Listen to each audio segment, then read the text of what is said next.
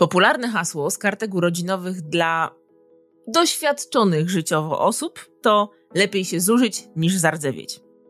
Ogólnie ma to sens, bo zakłada, że należy czerpać z życia garściami, nie oszczędzać energii, zbierać chwile i doświadczenia, no i przede wszystkim dużo się ruszać. Chyba, że chodzi o pracę zawodową. Tutaj łatwo się zużyć. Zużyć, czyli wypalić. I nie ma to nic wspólnego z hasłem dzwoń po straż pożarną, bo aż się palę do roboty.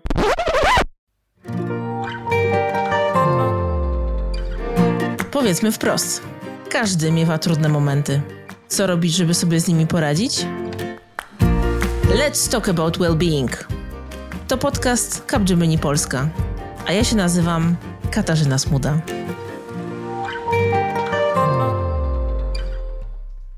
Dla wielu z nas praca zawodowa jest źródłem przyjemności i satysfakcji z jej wykonywania. Przynajmniej tak jest na początku. Nadmiar obowiązków, codzienny stres, siedzący tryb pracy, nieprawidłowa dieta, brak właściwego odpoczynku to wszystko sprawia, że satysfakcja ustępuje miejsca frustracji. Pojawiają się objawy somatyczne, takie jak ból głowy, ból brzucha, bóle pleców, złe samopoczucie i ciągłe zmęczenie.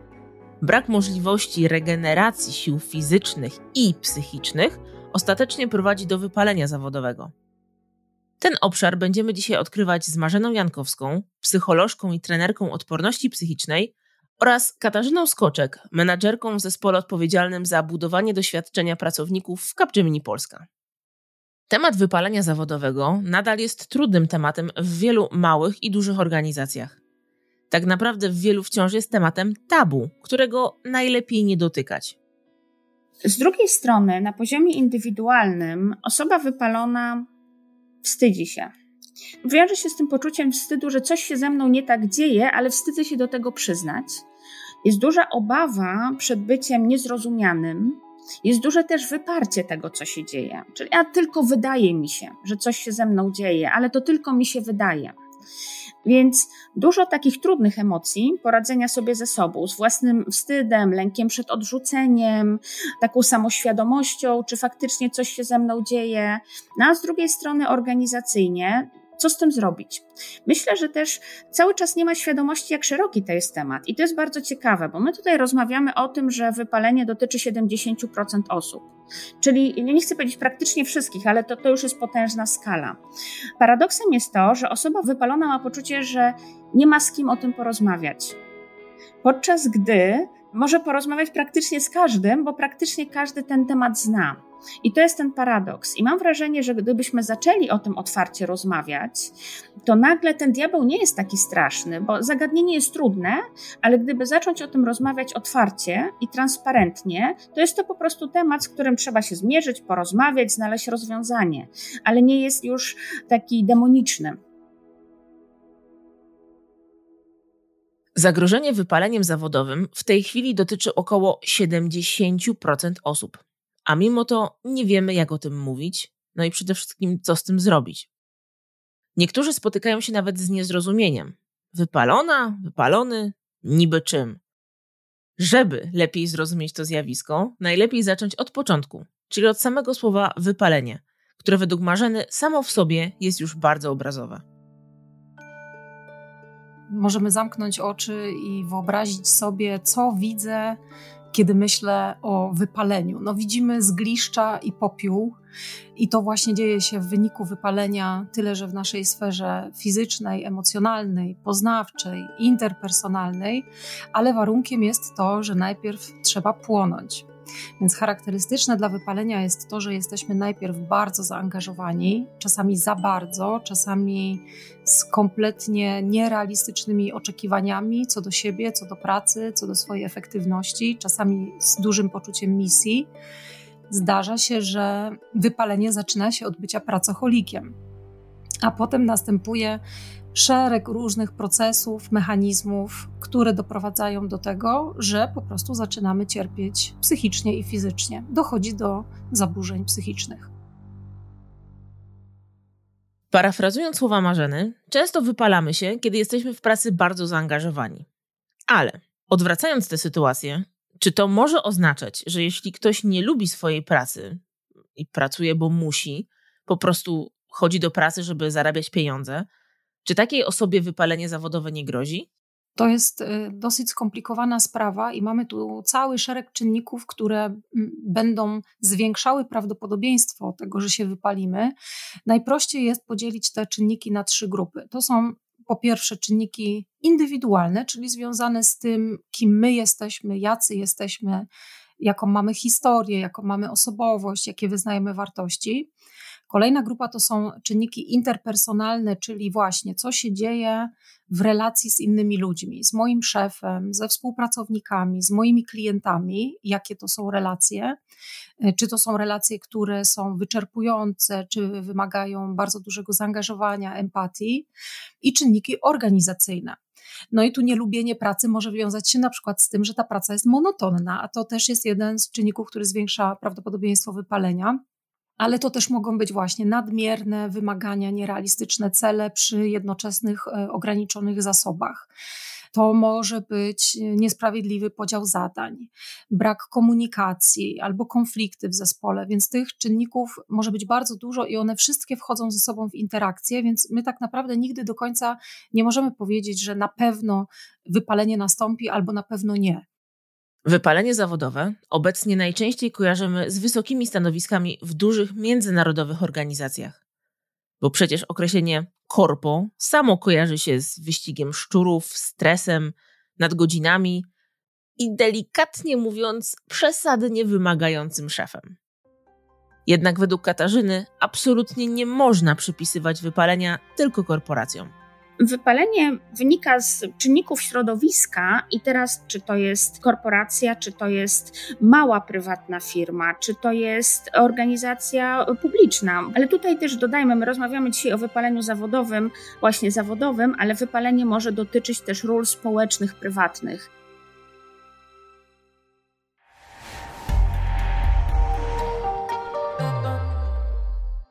Wypalanie się w rolach pozazawodowych, czyli na przykład wypalenie rodzicielskie, w ciągu ostatnich kilku lat staje się coraz bardziej powszechnym zjawiskiem. Według Centrum Badań nad Rozwojem Osobowości przy Uniwersytecie SWPS około 8% rodziców w Polsce doświadcza wypalenia rodzicielskiego, a około 14% żałuje decyzji o rodzicielstwie. Dlaczego? Psychologowie podkreślają, że charakterystyczny dla syndromu wypalenia jest jego przewlekły charakter.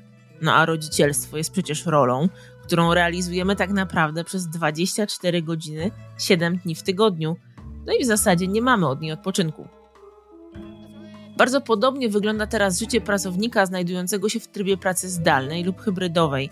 Praca z domu charakteryzuje się dużą elastycznością czasową, więc tak naprawdę możemy pracować niemal o dowolnej porze, w dowolny dzień.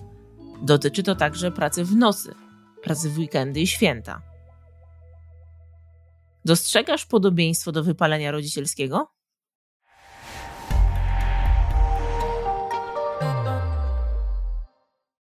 No dobrze, mówimy o ostatnich latach, w których praca zdalna stała się dla wielu powszechna. Ale przecież wypalenie zawodowe zostało zidentyfikowane dużo wcześniej. Wszystko zaczyna się od amerykańskiego psychologa Herberta Freudenbergera, który w latach 70. i 80.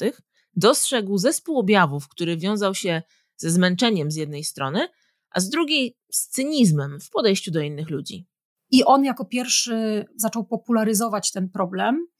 I później oczywiście następuje w ogóle generalnie rozkwit y, badań w psychologii, zainteresowanie ludzką psychiką, wpływem tego, jak psychika wpływa na efektywność. Tutaj też bardzo dużo w tym kontekście wydarzyło się w sporcie, w badaniach nad odpornością psychiczną, bo to właściwie wypalenie, odporność, można powiedzieć, że to po, po dwóch stronach leży na tym samym kontinuum. O wspomnianej przez Marzenę odporności psychicznej porozmawiamy jeszcze w drugiej części odcinka, bo jest to niezwykle ważny i jednocześnie ciekawy temat, gdy poruszamy się w obszarze profilaktyki wypalenia zawodowego. Ale zanim, wróćmy nieco do samego wypalenia. Najbardziej popularną definicją jest ta stworzona przez Christine Maslach, która wymienia trzy podstawowe składniki wypalania się: wyczerpanie, fizyczne, psychiczne, poznawcze, dochodzi do depersonalizacji, czyli takiego sposobu wchodzenia w interakcję, który de facto jest mechanizmem obronnym. On ma nas chronić przed nadmiernym zaangażowaniem się, ale tu właśnie dochodzi do odbierania innym ludziom godności. Na przykład y, pacjent staje się objawem albo numerkiem. I trzeci czynnik to jest czynnik związany z takim totalnym brakiem poczucia własnych osobistych dokonań, czyli im bardziej się staram, tym mniej wychodzi, to jest niemożliwe, więc frustrujemy się, a na końcu jest pustka, no i na samym końcu już jest pełnoobjawowa depresja. Na mechanizm wypalenia zawodowego można też spojrzeć z innej perspektywy. Tkwimy w pewnym środowisku. To środowisko ma pewne cechy. Tkwimy w nim z miliona różnych powodów, tak? Z powodów osobistych, z powodu różnych schematów. Coś w tym środowisku nas stresuje, ale jesteśmy w tej sytuacji, y, nie dokonujemy żadnej zmiany, jest to stres długoterminowy. Wypalenie pochodzi po pierwsze z długoterminowego stresu, a drugi czynnik pochodzącego z niedopasowania. Zostawiając temat historii i definicji, a wracając do obecnej sytuacji, czyli pracy w trybie home office, dostrzegamy teraz coś, co można określić eksplozją wypaleń zawodowych. Można by zatem wysnuć prosty wniosek, że sam fakt pracy zdalnej jest główną przyczyną takiego zjawiska. Ale jak to zwykle bywa w tematach związanych z człowiekiem, nic nie jest zero-jedynkowe. Bardzo dużo zależy od osobowości i naszego temperamentu. I rzeczywiście takie badania widziałam, jak porównywano satysfakcję z pracy, efektywność pracy wśród ekstrawertyków i introwertyków bo ja w zasadzie pracuję w domu, sama dla siebie. Od czasu do czasu na szczęście wyjeżdżam na szkolenia, teraz mniej. I dla mnie, jako dla introwertyka, to jest szczyt marzeń, że ja tutaj mogę się zamknąć w tym swoim garażu. Ale oczywiście, znowu musielibyśmy zadać szereg pytań. Czy ten człowiek ma po prostu warunki do tego, żeby stworzyć to komfortowe miejsce pracy. Pytanie, czy na przykład druga osoba, czy jeszcze trzecia i czwarta, bo mogą być dzieci, też nie pracują zdalnie, co już może być wypalające, bo liczba interakcji, e, które wchodzimy z, z bliskimi ludźmi codziennie wzrasta, co oczywiście może prowadzić do różnego rodzaju napięć, konfliktów i nieporozumień. No oczywiście problemem jest to, że nam się zlewa wszystko w jedno, e, praca i życie i tu wchodzi umiejętność bardzo asertywnego stawiania granic sobie i innym. I pojawia się kolejne wyzwanie. Mam pacjentkę w tej chwili, która wychodzi z ciężkiego epizodu depresji, i doszliśmy do tego, że w zasadzie tam nie ma przestrzeni, znaczy ona jest na takim etapie, że nie widzi przestrzeni, żeby mogła cokolwiek dla siebie zrobić w ciągu dnia, bo pracuje zdalnie i pracuje w zasadzie non-stop. Potem się trzeba zająć dzieckiem, a potem to już jest tak zmęczona, że już nic, tylko pójść spać albo, albo obejrzeć serial. I to oczywiście będzie prowadziło do wypalenia i depresji. Kontynuując myśl Marzeny, nasz mózg potrzebuje tlenu do prawidłowego funkcjonowania. A gdy 24 godziny na dobę siedzimy w domu, tylko na krótkie okresy wyrywając się z niego, i to nie dlatego, żeby się zrelaksować na ławce w parku, tylko na przykład, żeby zrobić zakupy, załatwić jakąś ważną sprawę, czy na przykład odebrać dziecko z przedszkola, to tego przysłowiowego tlenu mamy niewiele. Więc musi być ten ruch, aktywność fizyczna, dobre odżywianie, dobre wysypianie się. I rzeczywiście praca hybrydowa może wpływać na te podstawy, które regulują, czy są elementarne dla regulacji naszego budżetu energetycznego. Zamykając temat pracy zdalnej jako jednego z powodów wzrostu przypadków wypalenia zawodowego, warto wspomnieć o pewnym paradoksie. Z badań przeprowadzonych w dużych międzynarodowych organizacjach na całym świecie wynika, że 79% badanych pracowników jako jeden z najważniejszych czynników tego, że dobrze czują się w pracy, wskazuje relacje z kolegami i koleżankami. Mnie osobiście dość mocno uderza fakt, że z jednej strony wszyscy widzimy, jak ważne jest spotykanie się z ludźmi w pracy, ale z drugiej strony do tej pracy nie chodzimy, bo wybieramy pracę z domu od pracy w biurze, no bo jest łatwiejsza.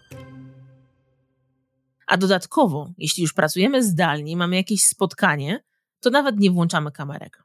Nawet w rozmowach w małej grupie, kiedy ludzie się spotykają, gdzie naprawdę nasz mózg i układ nerwowy zaczyna się męczyć, bo dla nas nieprawdopodobnie istotne są sygnały, które płyną z twarzy drugiego człowieka. Więc jak prowadzę szkolenia, zdarza mi się prowadzić online jeszcze na odporności psychicznej, to trudno mi sobie wyobrazić, to, jakie to byłoby wypalające, gdybym pracowała z ludźmi, których twarzy nie widzę. Nie widzę ich emocji, nie widzę ich relacji, nie mam żadnej informacji zwrotnej na temat tego, co mówię i co się na tej naszej hybrydowej sali szkoleniowej dzieje. Wypalenie zawodowe nie pojawia się od razu. Zawsze jest poprzedzone jakimiś sygnałami, które odbieramy ze swojego wnętrza. Może to być na przykład rosnące zniechęcenie do wyjścia z domu, jeśli pracujemy w biurze, czy też do włączenia komputera, jeśli pracujemy z domu. Ale niekoniecznie od razu musi to być wypalenie, może to być po prostu jakiś lęk przed czymś, co związane z naszymi zadaniami. Jak więc możemy to sprawdzić? Czy jesteśmy w stanie sami przeprowadzić autodiagnozę, żeby wiedzieć, w jaki sposób lepiej zadbać o swój dobrostan? Gdy rodzi się dziecko, standardem jest to, że ocenia się go w skali APGAR, czyli 10-stopniowej skali sprawdzającej, w jakim stanie zdrowia jest ten noworodek. W przypadku wypalenia zawodowego można pomyśleć o tym w dość podobny sposób. Nasza skala będzie się tylko składała z nieco innych elementów, np. sfery fizycznej, mentalnej, emocjonalnej, nawykowej i interpersonalnej. Jeśli pojawiają się pierwsze symptomy wypalenia zawodowego czy jakichkolwiek zaburzeń psychicznych, to one się będą pojawiały we wszystkich tych sferach. Więc zacznijmy od tej sfery biologicznej. Absolutną podstawą jest dobry sen i rytm dobowy, więc coś zaczyna się tutaj dziać zwykle złego. Czyli mamy trudności z zaśnięciem, często też przez zaburzenia lękowe, bo ruminujemy, czyli przeżuwamy różne myśli niepokojące. Może być wybudzanie się, to też jest charakterystyczne dla depresji. Wybudzanie się w nocy, potem człowiek nie może zasnąć i oczywiście budzi się zmęczony. Kolejny bardzo ważny element to są wszelkiego rodzaju bóle których często nie wiążemy z naszym funkcjonowaniem psychicznym, wszelkiego rodzaju bóle, bóle napięciowe, napięciowe bóle głowy czy też barków, w krzyżach coś y, strzyka, napięcia, zmęczenie. To są też symptomy wypalenia albo depresji, która się zbliża. Następną sferą jest sfera mentalna, czyli związana z myśleniem, przetwarzaniem informacji, zapamiętywaniem czy podejmowaniem decyzji. Tutaj możemy zauważyć, że po prostu trudniej nam się myśli, mamy taką mgłę, trudniej nam się słowa przypomina. Mogą też pojawiać się tak zwane niepokojące lub natrętne myśli, które powodują u nas uczucie niepokoju. No i tutaj e, już prosta droga do emocji, czyli właśnie pojawia się lęk, może się pojawić znużenie, poczucie pustki, beznadziei, frustracji, ale też może się pojawić poczucie winy i wstydu związane z tym, że ja się tak bardzo staram, a właściwie i tak nic z tego nie wychodzi. To też może być poczucie odrętwienia, i charakterystyczne jest to, że zaczynamy funkcjonować w trybie przetrwania, czyli od ulgi do ulgi tam już nie ma radości życia, planowania, cieszenia się y, tym, co robimy, tylko funkcjonowanie byle do. Byle do wieczora, byle do weekendu, byle do urlopu. Potem mamy sferę nawyków, czyli sferę naszych codziennych zachowań. Tutaj możemy zauważyć brak zaangażowania w relacje, czy też brak zainteresowania tym, co dzieje się u naszych bliskich. To wymaga przecież energii, no a my przestajemy mieć na to siłę. Zaczynają nam się też zmieniać nawyki, to, co wcześniej nam służyło, jak na przykład spacery z psem po parku, teraz z tego rezygnujemy, bo przestaje nas to cieszyć, no i nie mamy na to przede wszystkim siły i energii. No i właśnie ta sfera społeczna, czyli relacje, to, co się dzieje w naszym otoczeniu.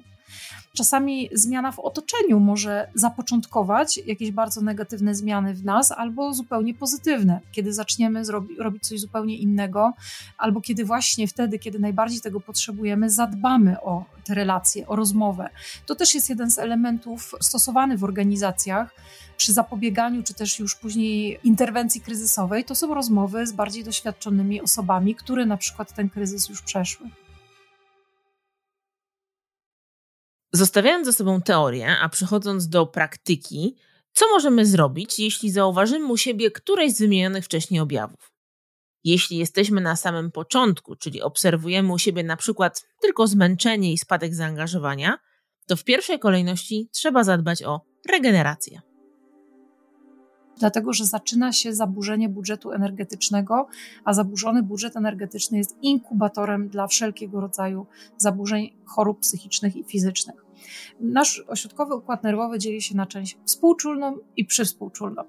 I jeśli cały czas byliśmy w tej współczulnej, czy korzystaliśmy z tej części współczulnej, która właśnie odpowiada za działanie, za radzenie sobie, za zmaganie się, za bycie poza tą sferą komfortu, to teraz robimy wszystko, żeby wrócić do strefy komfortu. Rest and digest odpoczywanie, nic nie robienie, które jest bardzo ważne e, chociażby dla naszego nerwu błędnego, który odpowiada na przykład za redukcję stanów zapalnych w organizmie, bo oczywiście też to, co się pojawi, to będą infekcje.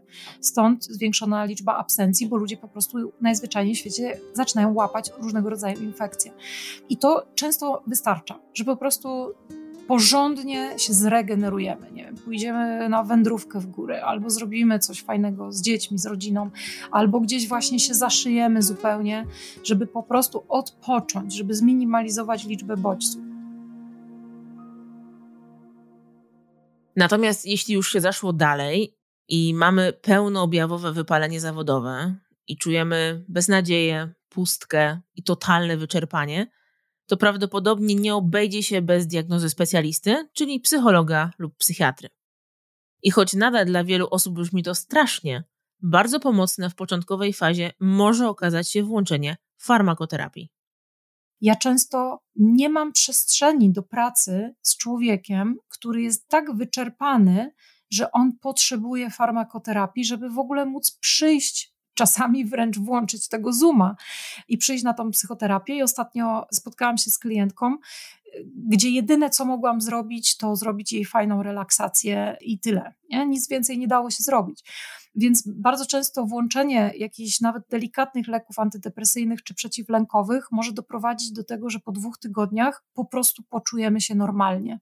I ostatnio klientka powiedziała mi, że ona już zapomniała, jak to jest, że prawdopodobnie ona cierpi 4 lata i po trzech tygodniach farmakoterapii po prostu poczuła, co to znaczy znowu czuć się normalnie i mogła znowu zacząć pracować nad czymś, nad sobą, nad swoimi pasjami, bo też zupełnie inaczej energetycznie zaczęła funkcjonować.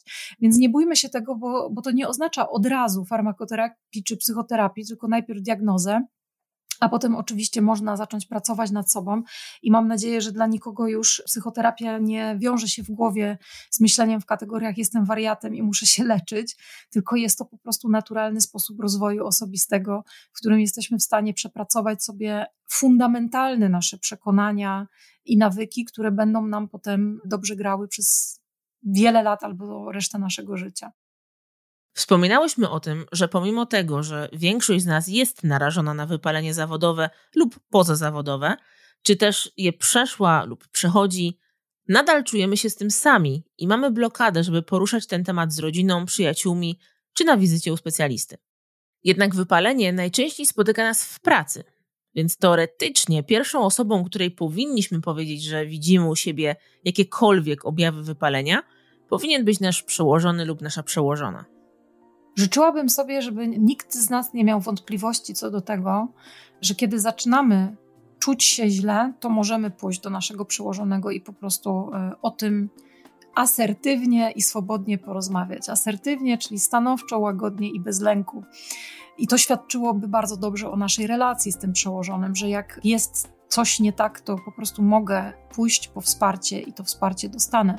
Tym bardziej, że coraz częściej w firmach są oferowane specjalne programy wsparcia czy interwencji, czy już gotowe procedury, co należy zrobić, gdzie udać się po pomoc i różne możliwości się pojawiają.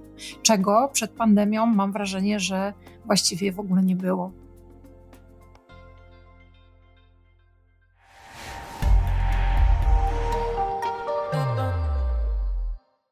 Czy wiesz, że niezależnie od napotykanych trudności możesz skorzystać z Capgemini Helpline? Helpline to dedykowany numer telefonu, pod którym czekają psychoterapeuci. Konsultacje z psychoterapeutą dają możliwość porozmawiania o naszych obawach, trudnościach oraz identyfikacji ich przyczyn, a także pomagają w podjęciu ewentualnych dalszych kroków, np wdrożeniu odpowiednich zmian, czy zaplanowania spotkania ze specjalistą, czyli psychologiem, psychoterapeutą, czy też psychiatrą.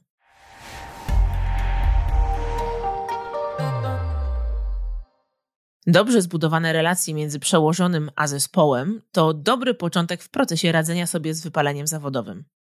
Jednak większość z nas nie potrafi poradzić sobie z problemem własnego wypalenia, a co dopiero pomagać w tym innym. Jest ta złota zasada, która panuje w samolotach. Jeżeli coś się dzieje, nałóż maskę najpierw sobie, później załóż ją dziecku. Bo jeżeli nie będziesz w stanie założyć jej sobie, pomóc sobie, nie pomożesz też innym. I dokładnie, jeżeli mówimy o, o takiej profilaktyce wypalenia na poziomie przełożonego, to to jest najpierw przyjrzenie się sobie bo wypalony przełożony na pewno nie będzie też wspierająco zarządzał swoim zespołem. Może, ale wymagałoby to nieludzkiego wysiłku, żeby ukryć swoje wypalenie i motywująco pracować ze swoim zespołem. Wykonalne ogromnym kosztem. Więc po pierwsze przyjrzeć się sobie, co się dzieje i reagować. Nie tylko widzieć na zasadzie ok, jestem zdemotywowany, zirytowany, nie śpię i boli mnie żołądek, ale działam. Widzę, że coś się dzieje, dbam o siebie. E, przełożony dbający o zespół obserwuje podobne sytuacje na poziomie swojego zespołu. Widzi, czy ktoś nie jest wycofany, czy ktoś nie unika zmian, a może absencje są częstsze, a może nagle konflikty z kolegami narosły.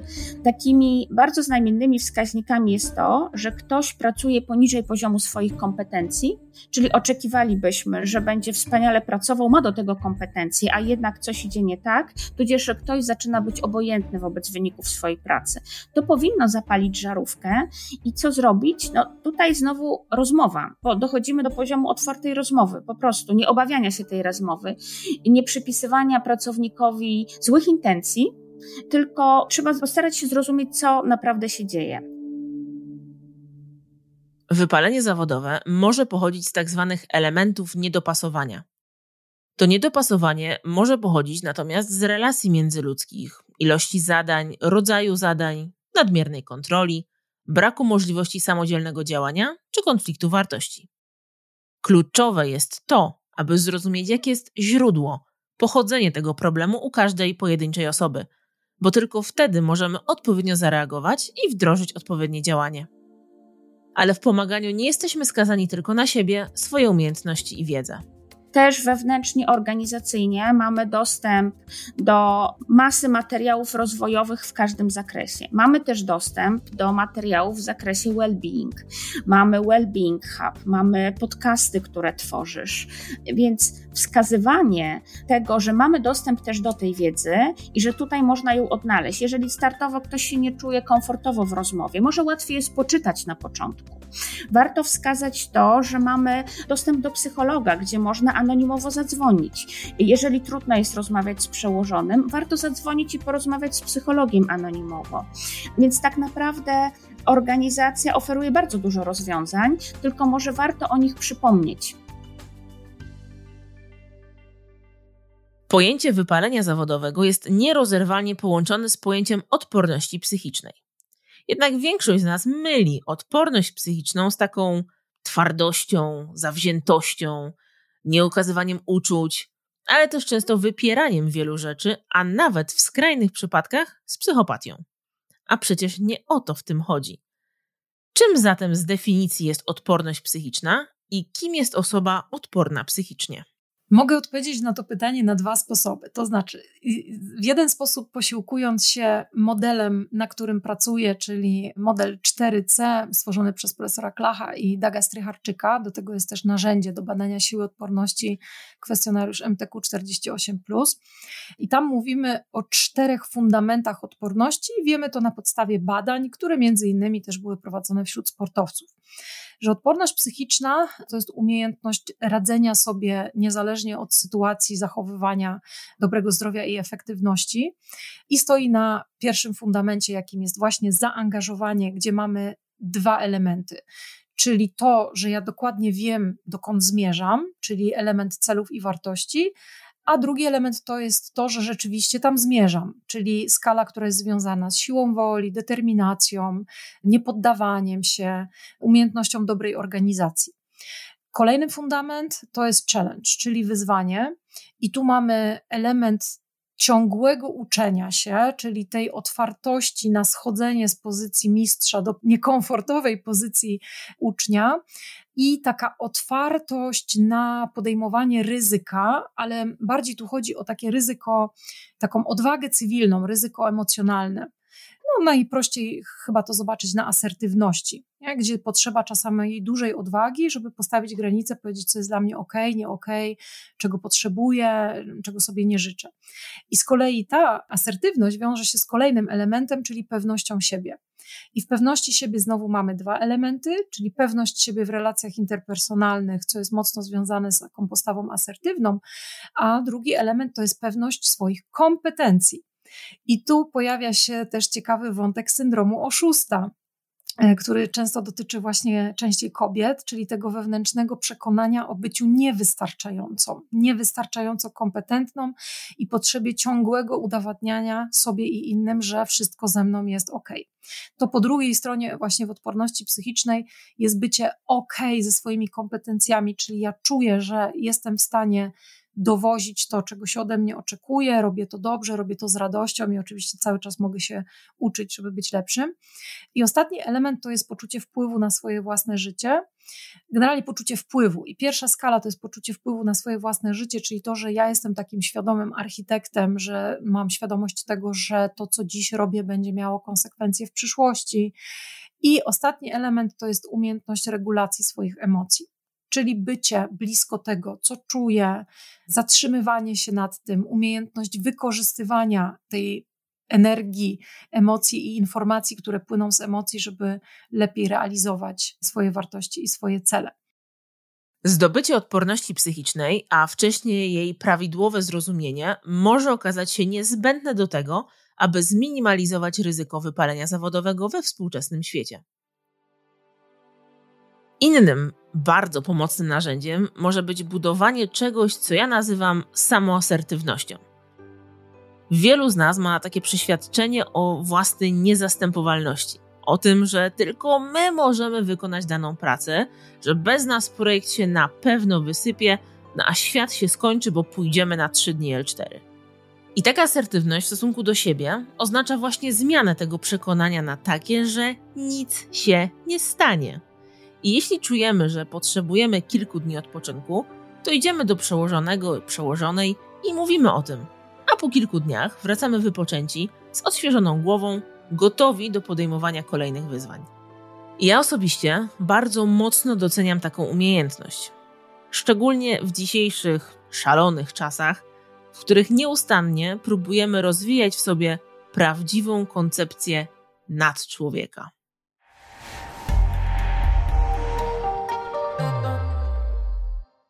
Temat wypalenia zawodowego nie jest tematem łatwym.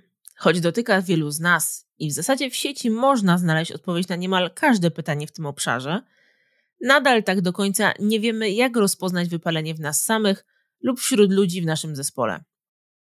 To jest tylko jeden odcinek podcastu dotyczący tematu wypalenia i nie jest możliwe, żeby opowiedzieć o każdym jego aspekcie. Dlatego na końcu odcinka znajdziesz materiały, które pomogą Ci zgłębić ten obszar i rozszerzyć wiedzę przekazaną dzisiaj przez nasze ekspertki. A dzięki temu możesz być o krok bliżej do osiągnięcia odporności psychicznej. Żeby Ci w tym pomóc, Marzena i Katarzyna na koniec podpowiedziały, co możesz zrobić od razu po przesłuchaniu tego odcinka. Zatrzymaj się, zastanów, wybierz.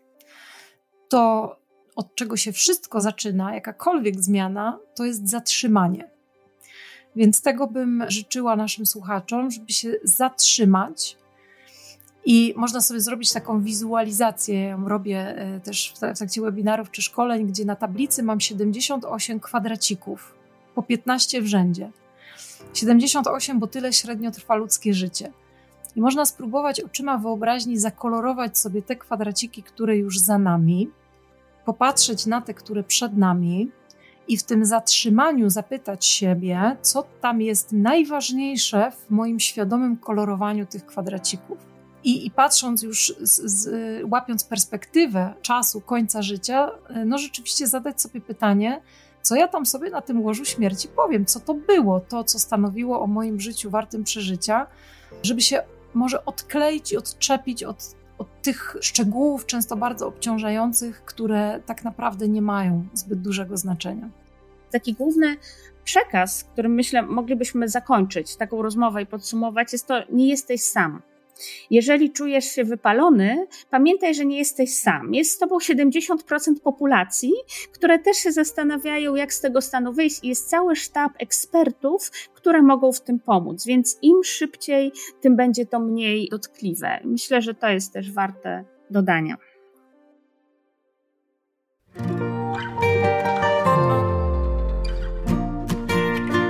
Żeby nie przegapić kolejnych odcinków, zasubskrybuj podcast Let's Talk About Wellbeing w swojej ulubionej aplikacji do słuchania podcastów. A jeśli ten odcinek Ci się spodobał, podziel się nim z koleżankami i kolegami z pracy. Niech oni też skorzystają z zawartych w nim rad. Linki do zagadnień poruszanych w odcinku znajdziesz w jego opisie.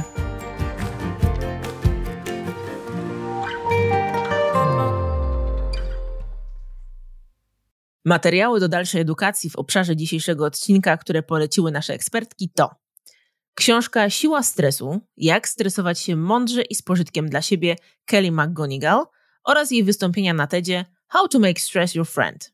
A także Pochwała powolności: Jak zwolnić tempo i cieszyć się życiem Karla Honor. 4000 tygodni Olivera Buchermana. Taka praca nie ma sensu Tonego Schwarza. Polecamy także webinary naszej dzisiejszej ekspertki Marzeny Jankowskiej oraz jej czterotygodniowy kurs Życie warte przeżycia. Linki do wszystkich polecanych materiałów znajdziesz w opisie tego odcinka.